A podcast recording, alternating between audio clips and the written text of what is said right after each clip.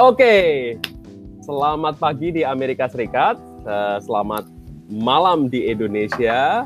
Kembali bersama kami, sudah beberapa saat tidak mengudara, dan sekarang eh, bersama-sama dengan eh, semua admin. Dan kami admin-admin yang sudah tua ini mau mengucapkan selamat kepada Ibu Jessica yang bergabung dengan kami selamat uh, bergabung Bu, kehormatan buat kami. Terima kasih Yeay. untuk kesediaannya kasih. sudah bergabung dan juga berpartisipasi dengan luar biasa. Kami sangat senang. Uh, Terima Bu kasih Jessica. sudah mengizinkan masuk ke sini. Wih, kayak Tuhan aja. Anda mengizinkan. Loh, Tuhan, Tuhan menetapkan bukan mengizinkan. Iya. Oh, Enggak, tapi kan masalah peng, masalah apa namanya? Penderitaan itu kan Tuhan mengizinkan. Oh yo yo yo yo. Oke. Okay. Berarti masuk ini karena penderitaan loh. Oke, so Iya, terima kasih uh, sekali lagi untuk Bu Jessica yang sudah bergabung dengan kita. Nah, rekan-rekan semua, kita akan uh, langsung ini bicara, kita akan ngobrol-ngobrol tentang masalah prapaskah. Mengapa uh, kaum Protestan merayakan Prapaskah. Ceritanya begini, ini latar belakang beberapa tahun yang lalu gitu kan pada waktu uh, kami di gereja itu start off uh, Prapaskah itu dan juga perayaan-perayaan gerejawi yang lain itu ada jemaat yang berkata begini, kenapa sih kita itu kok sekarang ini ikut-ikut Katolik gitu. Nah, jadi dari situ ada pro dan kontra mengenai perayaan-perayaan uh, kalender gerejawi. Dalam teologi kali ini kita akan mencoba mendedah masalah ini dan rekan-rekan semua kita tidak perlu setuju satu dengan yang lain. Dan justru ketidaksetujuan itu akan memunculkan banyak pertanyaan yang nanti akan menarik dan akan coba direnungkan oleh para pirsawan dan pirsawati dari teologi ini. Akan tetapi uh, paling tidak kita akan mendapatkan uh, sebuah insight eh, insight begitu ya. Kenapa sih ada Prapaskah dan mengapa uh, Protestan merayakan Prapaskah. Nah, untuk yang pertama-tama mungkin Bung Adi nih bisa memberikan sekilas info mengenai sejarah Prapaskah ini. Silakan Bung Adi. Oke, selamat sore, selamat malam para teovlog. Uh, saya juga menyapa Bu JJ di sini yang telah memutuskan untuk mengambil penderitaan, perjalanan penderitaan ini di masa Prapaskah bareng kami dengan, dengan cara mengikuti teologi. Oke, okay. uh, eh, sebelumnya Paskah ini uh, diambil dari tradisi Yahudi mau tidak mau, di mana orang Yahudi mengingat uh, tahun tahun mereka dibebaskan dari perbudakan itu. Hmm. Uh, ya, Paskah itu adalah pusat iman Yahudi terus. Nah, namun konsep ini dipelihara oleh orang-orang Kristen mula-mula dalam perjanjian baru. Hmm walaupun diperbarui bisa kita lihat di 1 Korintus 5 ayat 7 sampai 8. Nah, sedikit berbeda di sini dari pemaknaan pembebasan perbudakan bangsa Israel. Uh, pasca di sini berubah jadi pembebasan perbudakan dari dosa yang telah dilakukan oleh Kristus itu sendiri. Nah, terus uh, lompat aja sampai ke pada tahun 383. Uh, kita mempunyai gagasan bagus tuh. Kita dapat gagasan bagus di sini. Uh, salah seorang tokoh gereja bernama Egeria. Hmm. Uh, dia menawarkan istilah uh, Minggu Sengsara atau Minggu Palma. Nah, kalau hmm. ngerti istilah-istilah ini dari orang ini nih, Egeria itu. Uh, dia bilang tuh itu adalah masa awal kita memperingati Paskah, pekan Paskah itu sendiri gitu. Nah, itu uh, mulai ada pemaknaan pasca nggak cuma hari pasca aja tuh tapi ada pemaknaan prapaskah walaupun hanya cuma seminggu nah di akhir abad itu uh, seorang bapak gereja yang bernama Agustinus menyatakan uh, suatu Agustinus. ini Mas Agustinus ada ante di sini uh, dia menyatakan bahwa alangkah baiknya kita juga memelihara hari-hari uh, yang lain hmm. selain kebangkitan Kristus dan kematian Kristus sendiri uh, yaitu uh, masa-masa uh, pembasuhan kaki Yesus uh, pokoknya masa-masa sebelum apa ya sebelum uh, Yesus mati dan Yesus bangkit itu sendiri gitu. Hmm. Nah, kesatuan Paskah kuno itu dipecah menjadi Kamis Putih, Jumat Agung, Sabtu Sunyi, Minggu Palma dan semacamnya. Hmm. Nah, di situ uh, ada konsep juga tentang 40 hari itu. Jadi uh, di tahun-tahun itu juga ditemukan hmm. apa ya pemaknaan Paskah 40 hari. Terus kalau dilihat dasarnya itu mereka mengambil uh, catatan. Jadi ada dua perdebatan tuh antara mereka ngambil 40 hari masa puasa Yesus atau 40 hari uh, masa perbudakan itu sendiri. Perbudakan Israel. Nah, itu adalah masa-masa post Epifani. Hmm. Terus apa lagi ya? Hmm, oh ya, nambahin apa ya? Info sejarah sedikit di masa ya. Paskah itu biasanya uh, di zaman-zaman uh, di abad dapat segitu tuh orang-orang dibaptis tuh hampir sama tuh uh, jadwal prapabaptisannya tuh hampir disamakan sama prapaskah. Jadi pada pada masa itu kata komen kata komen itu uh, diajar untuk uh, hidup secara Kristus, uh, bersukacita dengan cara memperjuangkan atau merenungkan apa yang Kristus uh, yang Kristus apa ya, yang Kristus lakukan di dunia ini. Dan mereka akan dibaptis di Esther Fagio hmm. di malam sebelum Paskah itu sendiri. Itu pengantar dari saya tentang sejarah itu. Cukup. Oke, Oke menarik, menarik. Terima luar kasih biasa ya, luar biasa menguasai. Sangat iya. Luar biasa. aku aku gak ngerti sama sekali. Ini ini ini, ini hal yang baik. Uh, Bung Adi memberikan apa pengantar dan pengantar ini kan satu biblika hanya ada yang kedua, sejarahnya ada. Dan ini sejarah sebelum perpecahan antara gereja Protestan dan Katolik, begitu kan. Nah, akan tetapi kemudian yang memelihara tradisi prapaskah atau Lent itu kan gereja Katolik nih yang kita tahu ya, karena kita dari stream uh, gereja West ya, kita nggak ngomong tentang gereja Timur, nggak ngomong tentang gereja Ortodoks. Nah, nah tapi gereja Protestan itu kan nggak nggak nggak ngerti begitu kan dan tidak me, merayakan ini. Nah, ini bagaimana teman-teman? Kalau sekarang mulai ada gairah uh, kembali menggali masalah ini. Nah, saya ingin mendengar ini para Protestantis ini uh, memberikan respons, reaksi, uh, tanggapan terhadap hal ini. Monggo silakan. Dari anu apa admin baru dulu Bu Jessica mungkin. Wah, ini apa reform reform. Oh, ya, put on Dari reform. Ya, ya, yang, yang paling kan, ya paling reform. Yang paling reform. Dari perspektif Calvin. Iya.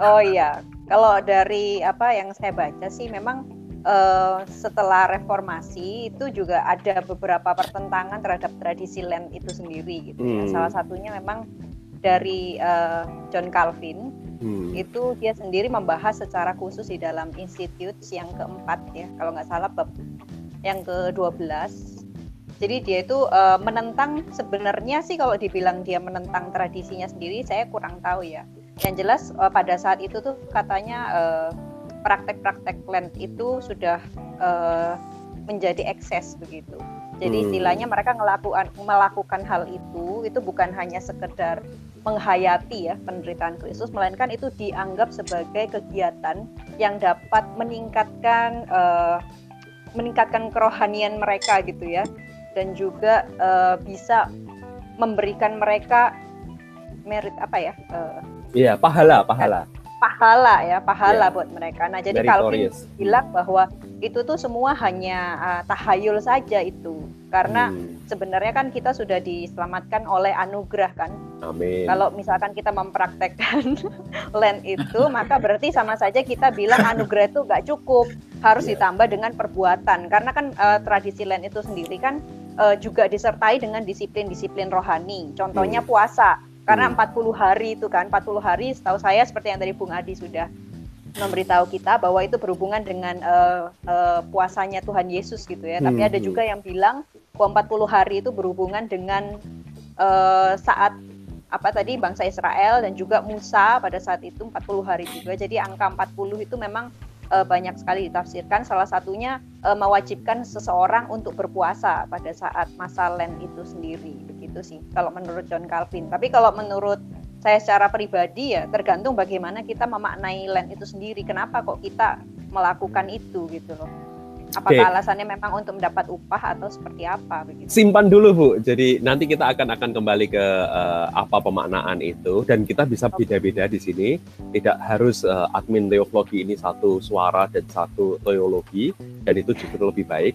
Eh, Iya. Bung Daniel atau Bung Perdian, Bung Daniel yang Mungkin anu Bart apa? dan Bung Perdian yang Anabaptis silahkan. Anak baptis. Anak baptis. Barusan dibaptis. Nah. Dibaptis Iya. ulang. Enggak, anu kan nanti anu Bung Daniel kan gayopo ya. eh. Iya. Boleh. Nah, apa mungkin ini Bung Nindyo, apa yang jadi pertanyaan sering kali kan eh, tradisi Lent ini kan baru muncul mungkin pasca Naisea ya, Oh. kalau Iya. nggak salah ya. Saya itu. Ah, ah, jadi kalau. Hmm. kalau tadi Bu Jessica bilang ada apa protes dari Calvin begitu, mungkin asumsinya apakah gereja mula-mula mempraktekkan gitu loh, Hmm. ya kan? Anak baptis bang. Oh iya jelas dong kan, kan anti anti Konstantin, anti Konstantin, Iya iya. Pokoknya yang salah Konstantin deh. pokoknya. Konstantin ya, makanya Hmm. sama salah Jokowi, salah Konstantin. pokoknya. Iya. Masalahnya Konstantin. Iya, jadi kan yang mungkin jadi pertanyaan kritis juga sekarang bagi banyak orang Kristen, apakah itu eh, praktek yang juga dilakukan di gereja mula-mula gitu? Hmm. Kalau itu kalau itu memang dilakukan oleh Im- Imperium Konstantin misalnya, ya ngapain gitu loh? Ini kan ternyata produk produk kekuasaan gitu loh. Ini bukan produk produk gereja mula-mula ya. Kalau misalnya tadi ya, Bung Daniel kan sudah ketawa nih. Iya kan? Ini ini kan ternyata ini kan ternyata praktek-praktek yang berhubungan dengan apa ya eh, me- melanggengkan kuasa gitu loh imperium. Nah, Waduh. Nah, itu. Kalau saya kalau saya bertanya dari sisi historis bung ya, dari sisi teologis gitu. Menarik. Ya, ya, ya. Boleh. Baik, baik. Terima kasih. Nah, hanya per- eh, respons singkat saya yang nanti juga akan saya minta teman-teman menanggapi. Eh, ka- kendati pun Konstantin, Bung eh, Ferdian, tapi Konstantin itu kan sebelum juga eh, perpecahan antara Protestan dengan Katolik. Ya, ya. begitu. Jadi eh, saya bukan berarti menolak land ya, cuma cuma Loh, coba mengajukan ya, apa-apa. enggak, enggak, enggak, enggak, enggak. Justru. Cuma cuma maksudnya eh, ini mengajukan pertanyaan kritis aja, mengajukan pertanyaan kritis aja. Oke. Iya. Saya aja mau menolak kok. Oke. Nah, Oke, terima kasih Bung Daniel. Ya kalau saya sih kalau diminta posisi pro atau kontra, ya saya nggak dua-duanya. Saya golput lah. Oh ya toh. karena karena begini, karena begini.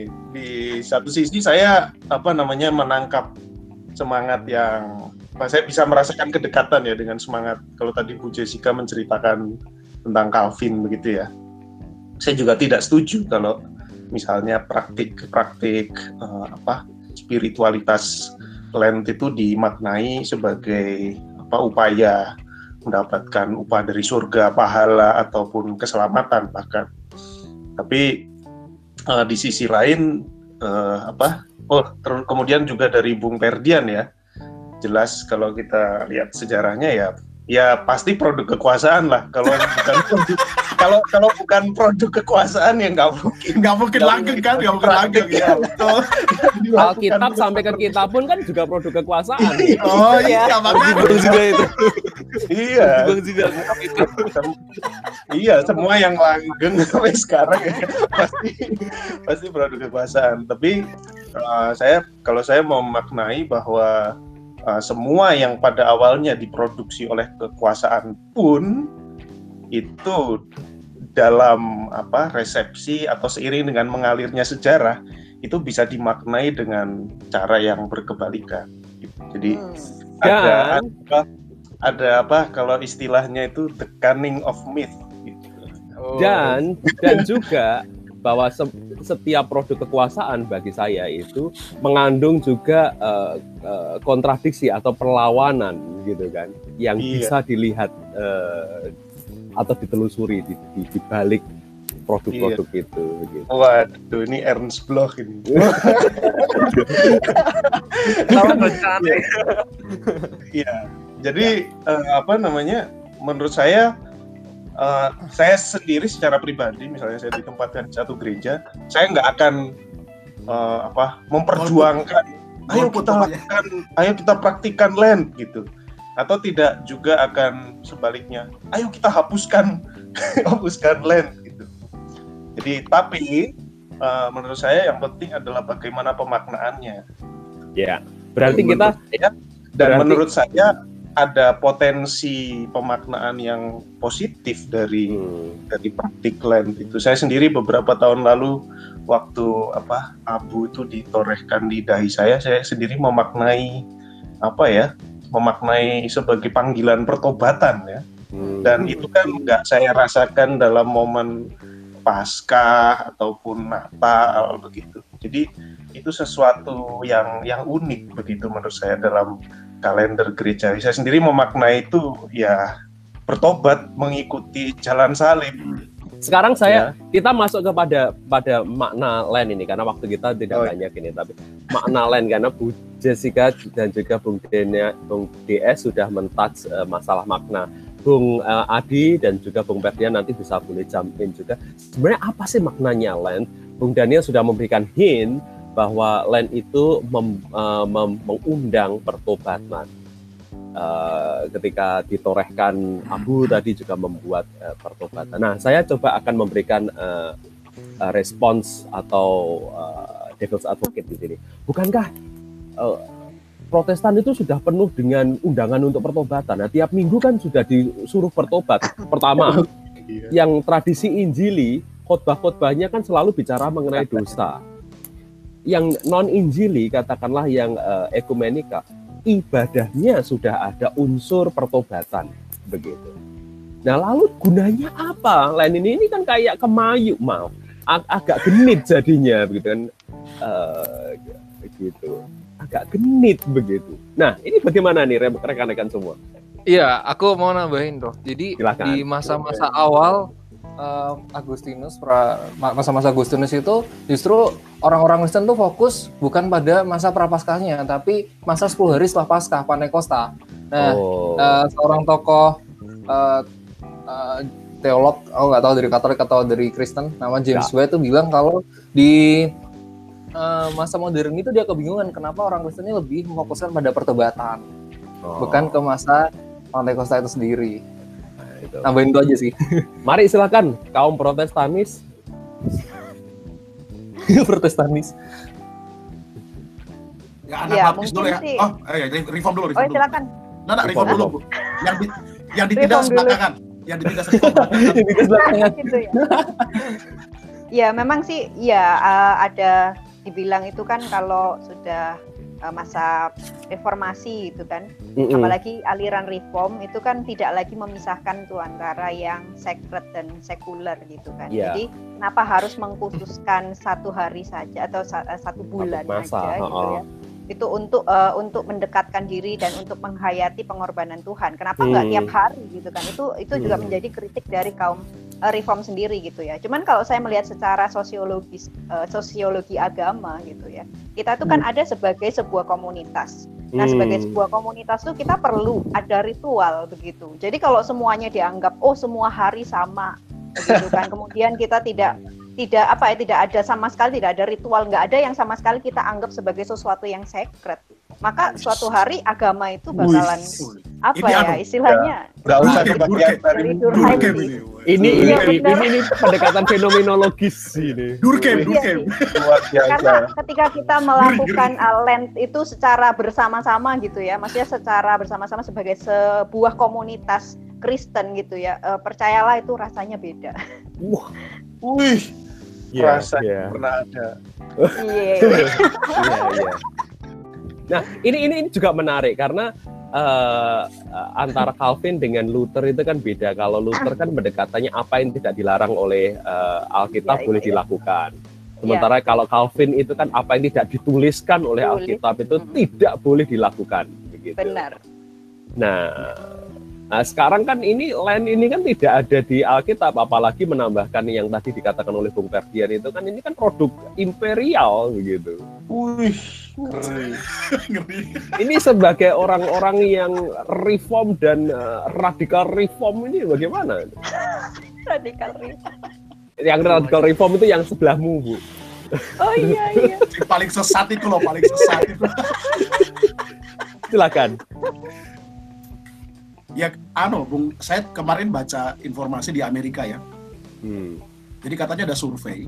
Hmm. Nah, ternyata memang kaum kaum Injili yang mela- melaksanakan land itu ya benar. Jadi hanya 16% yang Hmm. yang melakukan, sedangkan kaum Katolik itu ada sekitar 67-70 persen lah yang Hmm. yang merayakan ya. Jadi memang kalau tadi Bung Dindio sampaikan di awal introduksi eh, kenapa kaum Katolik ya tercermin dari dari riset ini, dari hasil survei ini. Hmm. Nah kalau kalau yang saya baca informasinya sih kayaknya memang apa yang kita diskusikan memang terjadi di kalangan eh, di- apa dari tercermin dari hasil survei itu. Jadi kaum Injili masih merasa bahwa ngapain gitu loh, gawe opo, Ya. kan, oh kita juga Iya. tiap hari bertobat gitu kan. Iya. Terus yang Mungkin kedua, ekumenikal yang kurang bertobat. Jadi perlu lem. iya. Terus Iya. terus. Terus yang ya, terus yang kedua yaitu tadi eh, ini kan tidak dipraktekkan gereja mula-mula begitu loh. Nah, cuma begini, Bung Nindo, yang saya tertarik di seminari ini ya, di seminari Anabaptis ini, saya nggak tahu, saya jujur nggak nggak tahu bagaimana posisi Meno, Meno Simon ya. Hmm. Cuma yang menarik di di seminari ini dipraktekkan, Bung, dilakukan, Hmm. Hmm. dilakukan. Jadi ada ada ada chapel khusus untuk land, Hmm. tapi penekanannya komunitas. Jadi penekanannya bukan Wah. bukan bukan Cocok dengan individual. Bu Jessica ini, cocok dengan Cocok dengan Bu betul. Cocok dengan Bu Oke. Jessica. Gimana gimana? Jadi land itu dimaknai sebagai sebuah apa ya simbol apa pertobatan komunal. Hmm. Jadi jadi eh, itu itu yang saya kemarin ikuti waktu di chapel di sini. Cuma tidak ada tidak ada ini tidak ada kayak menorehkan apa itu abu segala macam tidak ada. Cuma chapel satu kali dan pemaknanya itu Karena itu ritual manusiawi yang kosong. imperium imperium. Oh. tapi tapi menarik tadi Bu Jessica juga menyampaikan bahwa manusia itu adalah makhluk ritual begitu kan dan kita membutuhkan ritual begitu eh, untuk pemaknaan itu. Nah, Bu Jessica mungkin bisa bisa bisa mengeksplorasi eh, lebih lanjut mengenai hal ini. Eh, Kira-kira apa dasarnya sehingga kita perlu eh, ritual-ritual yang semacam ini? Ya, ya kalau kayak gitu sense? sih mau nggak mau saya kembali ke Durkheim tadi ya. Jadi Oh, kalau Durkheim iya. bilang ya manusia itu pasti di dalam kehidupannya itu ngebagi eh, s- membagi semua hal itu menjadi dua kategori yaitu yang sakral dan non sakral gitu. Hmm. Jadi itu kayak sudah apa ya? Sudah ada dalam diri manusia gitu. Mau mau tidak mau pasti dia secara otomatis akan membagi gitu. Yang ini sakral, yang ini non sakral. Non sakral itu bukan berarti yang eh, haram atau yang seperti apa tidak. Yang non sakral itu berarti yang tidak sakral gitu aja tidak sakral. Ya, tetapi kalau yang sakral itu adalah mencakup hal-hal ya seperti ritual, seperti totemisme, penyembahan-penyembahan. Entah itu kepada kalau menurut Durkheim kan penyembahannya kepada komunitas itu sendiri gitu kan. Sebenarnya eh, kalau menurut dia se- semua ritual itu akan berfokus kepada ya komunitas itu sendiri sebenarnya. Jadi Hmm. agak berhubungan sama Pak Ferdian tadi bilang gitu ya. Benar-benar itu berhubungan dengan komunitas itu sendiri. Wah, jangan-jangan kita melakukan segala sesuatu memang fokusnya bukan lagi kepada Tuhan ya, tetapi pada komunitas kita sendiri gitu. Ya itu kritiknya. Cuman ya I itu secara otomatis kita membagi begitu antara yang sakral dan non sakral. Oke, oke, oke. Ada lagi tambahan, eh, Bung Adi, Bung GS, Saya ngikut aja. Bung GS? Saya Nah. ngikut aja. Kan Oke, kalau- sekarang sekarang masuk ke gawe opo. Bukan, bukan. Kalau Sekarang Bung masuk Des ke, iya, tergantung undangan, tergantung undangan. masuk masuk ini, masuk nih ke, ke, ke untuk sebenarnya untuk apa sih? Jadi kita sudah bicara mengenai pemaknaan, ya. tetapi eh, kira-kira apa ini eh, signifikansinya selain invoking, selain menambah eh, emosi dan dan pertobatan tadi kira-kira pentingnya apa dan juga tadi juga selain eh, kita eh, penting untuk komunitas begitu ya berkomunitas kira-kira ada penting yang lain nggak? Kalau saya, kalau saya misalnya ini ya bicara mengenai kenapa Protestan me- merayakan Prapaskah bagi saya eh, coba lihat sisi yang lain misalnya karena teologi Protestan itu penuh dengan dosa. Artinya titik tekannya itu pada dosa. Kenapa tidak ada uh, sisi yang lebih bright gitu kan di dalam uh, land, di dalam Prapaskah? Uh, uh, Sergius Bulgakov misalnya itu memperkenalkan sebuah istilah yaitu luminous darkness gitu ya, luminous darkness. Jadi terang yang eh terang eh, kegelap gelap yang terang, gelap yang berkilauan. Nah, eh, tidakkah bisa misalnya lain itu juga menumbuhkan sisi eh, terang itu? Nah, bagi saya ada tiga. Pertama, abu. Ini tadi menyangkut apa yang tadi dikatakan oleh Bu Jessica menurut saya kenapa tetap dipakai abu gitu kan? Kenapa maknanya abu? Well, betul secara teologis uh, abu itu uh, menunjukkan kes, apa sorrow kita, uh, kesedihan kita. Hmm. Tetapi abu itu bisa dimaknai juga sebagai elemen yang ada di bumi, gitu kan, uh, bagian yang ada di bumi. Dengan demikian, uh, apa namanya kita ini menjadi bagian dari komunitas bumi. Yang kedua, bagi saya, saya melihat uh, undangan untuk kembali kepada Allah dan kita diciptakan itu kan untuk keluar dan kembali kepada Allah. Istilah ini sudah lama sekali dipakai sebelum ada perdebatan antara uh, Protestan dan Kristen. Kita ini diciptakan untuk keluar dari Allah dan akan kembali kepada Allah. Gitu. Nah, uh, apa uh, land prapaskah itu merupakan undangan untuk kita kembali kembali kepada Allah. Dan yang ketiga, siapa Allah? Titik tekan land itu juga adalah cinta kasih gitu kan dan kita berarti kembali kepada kasih nah itu itu pemaknaan yang mungkin bisa lebih digali uh, kalau seandainya gereja-gereja Protestan itu merayakan uh, prapaskah bagi saya seperti itu. Teman-teman?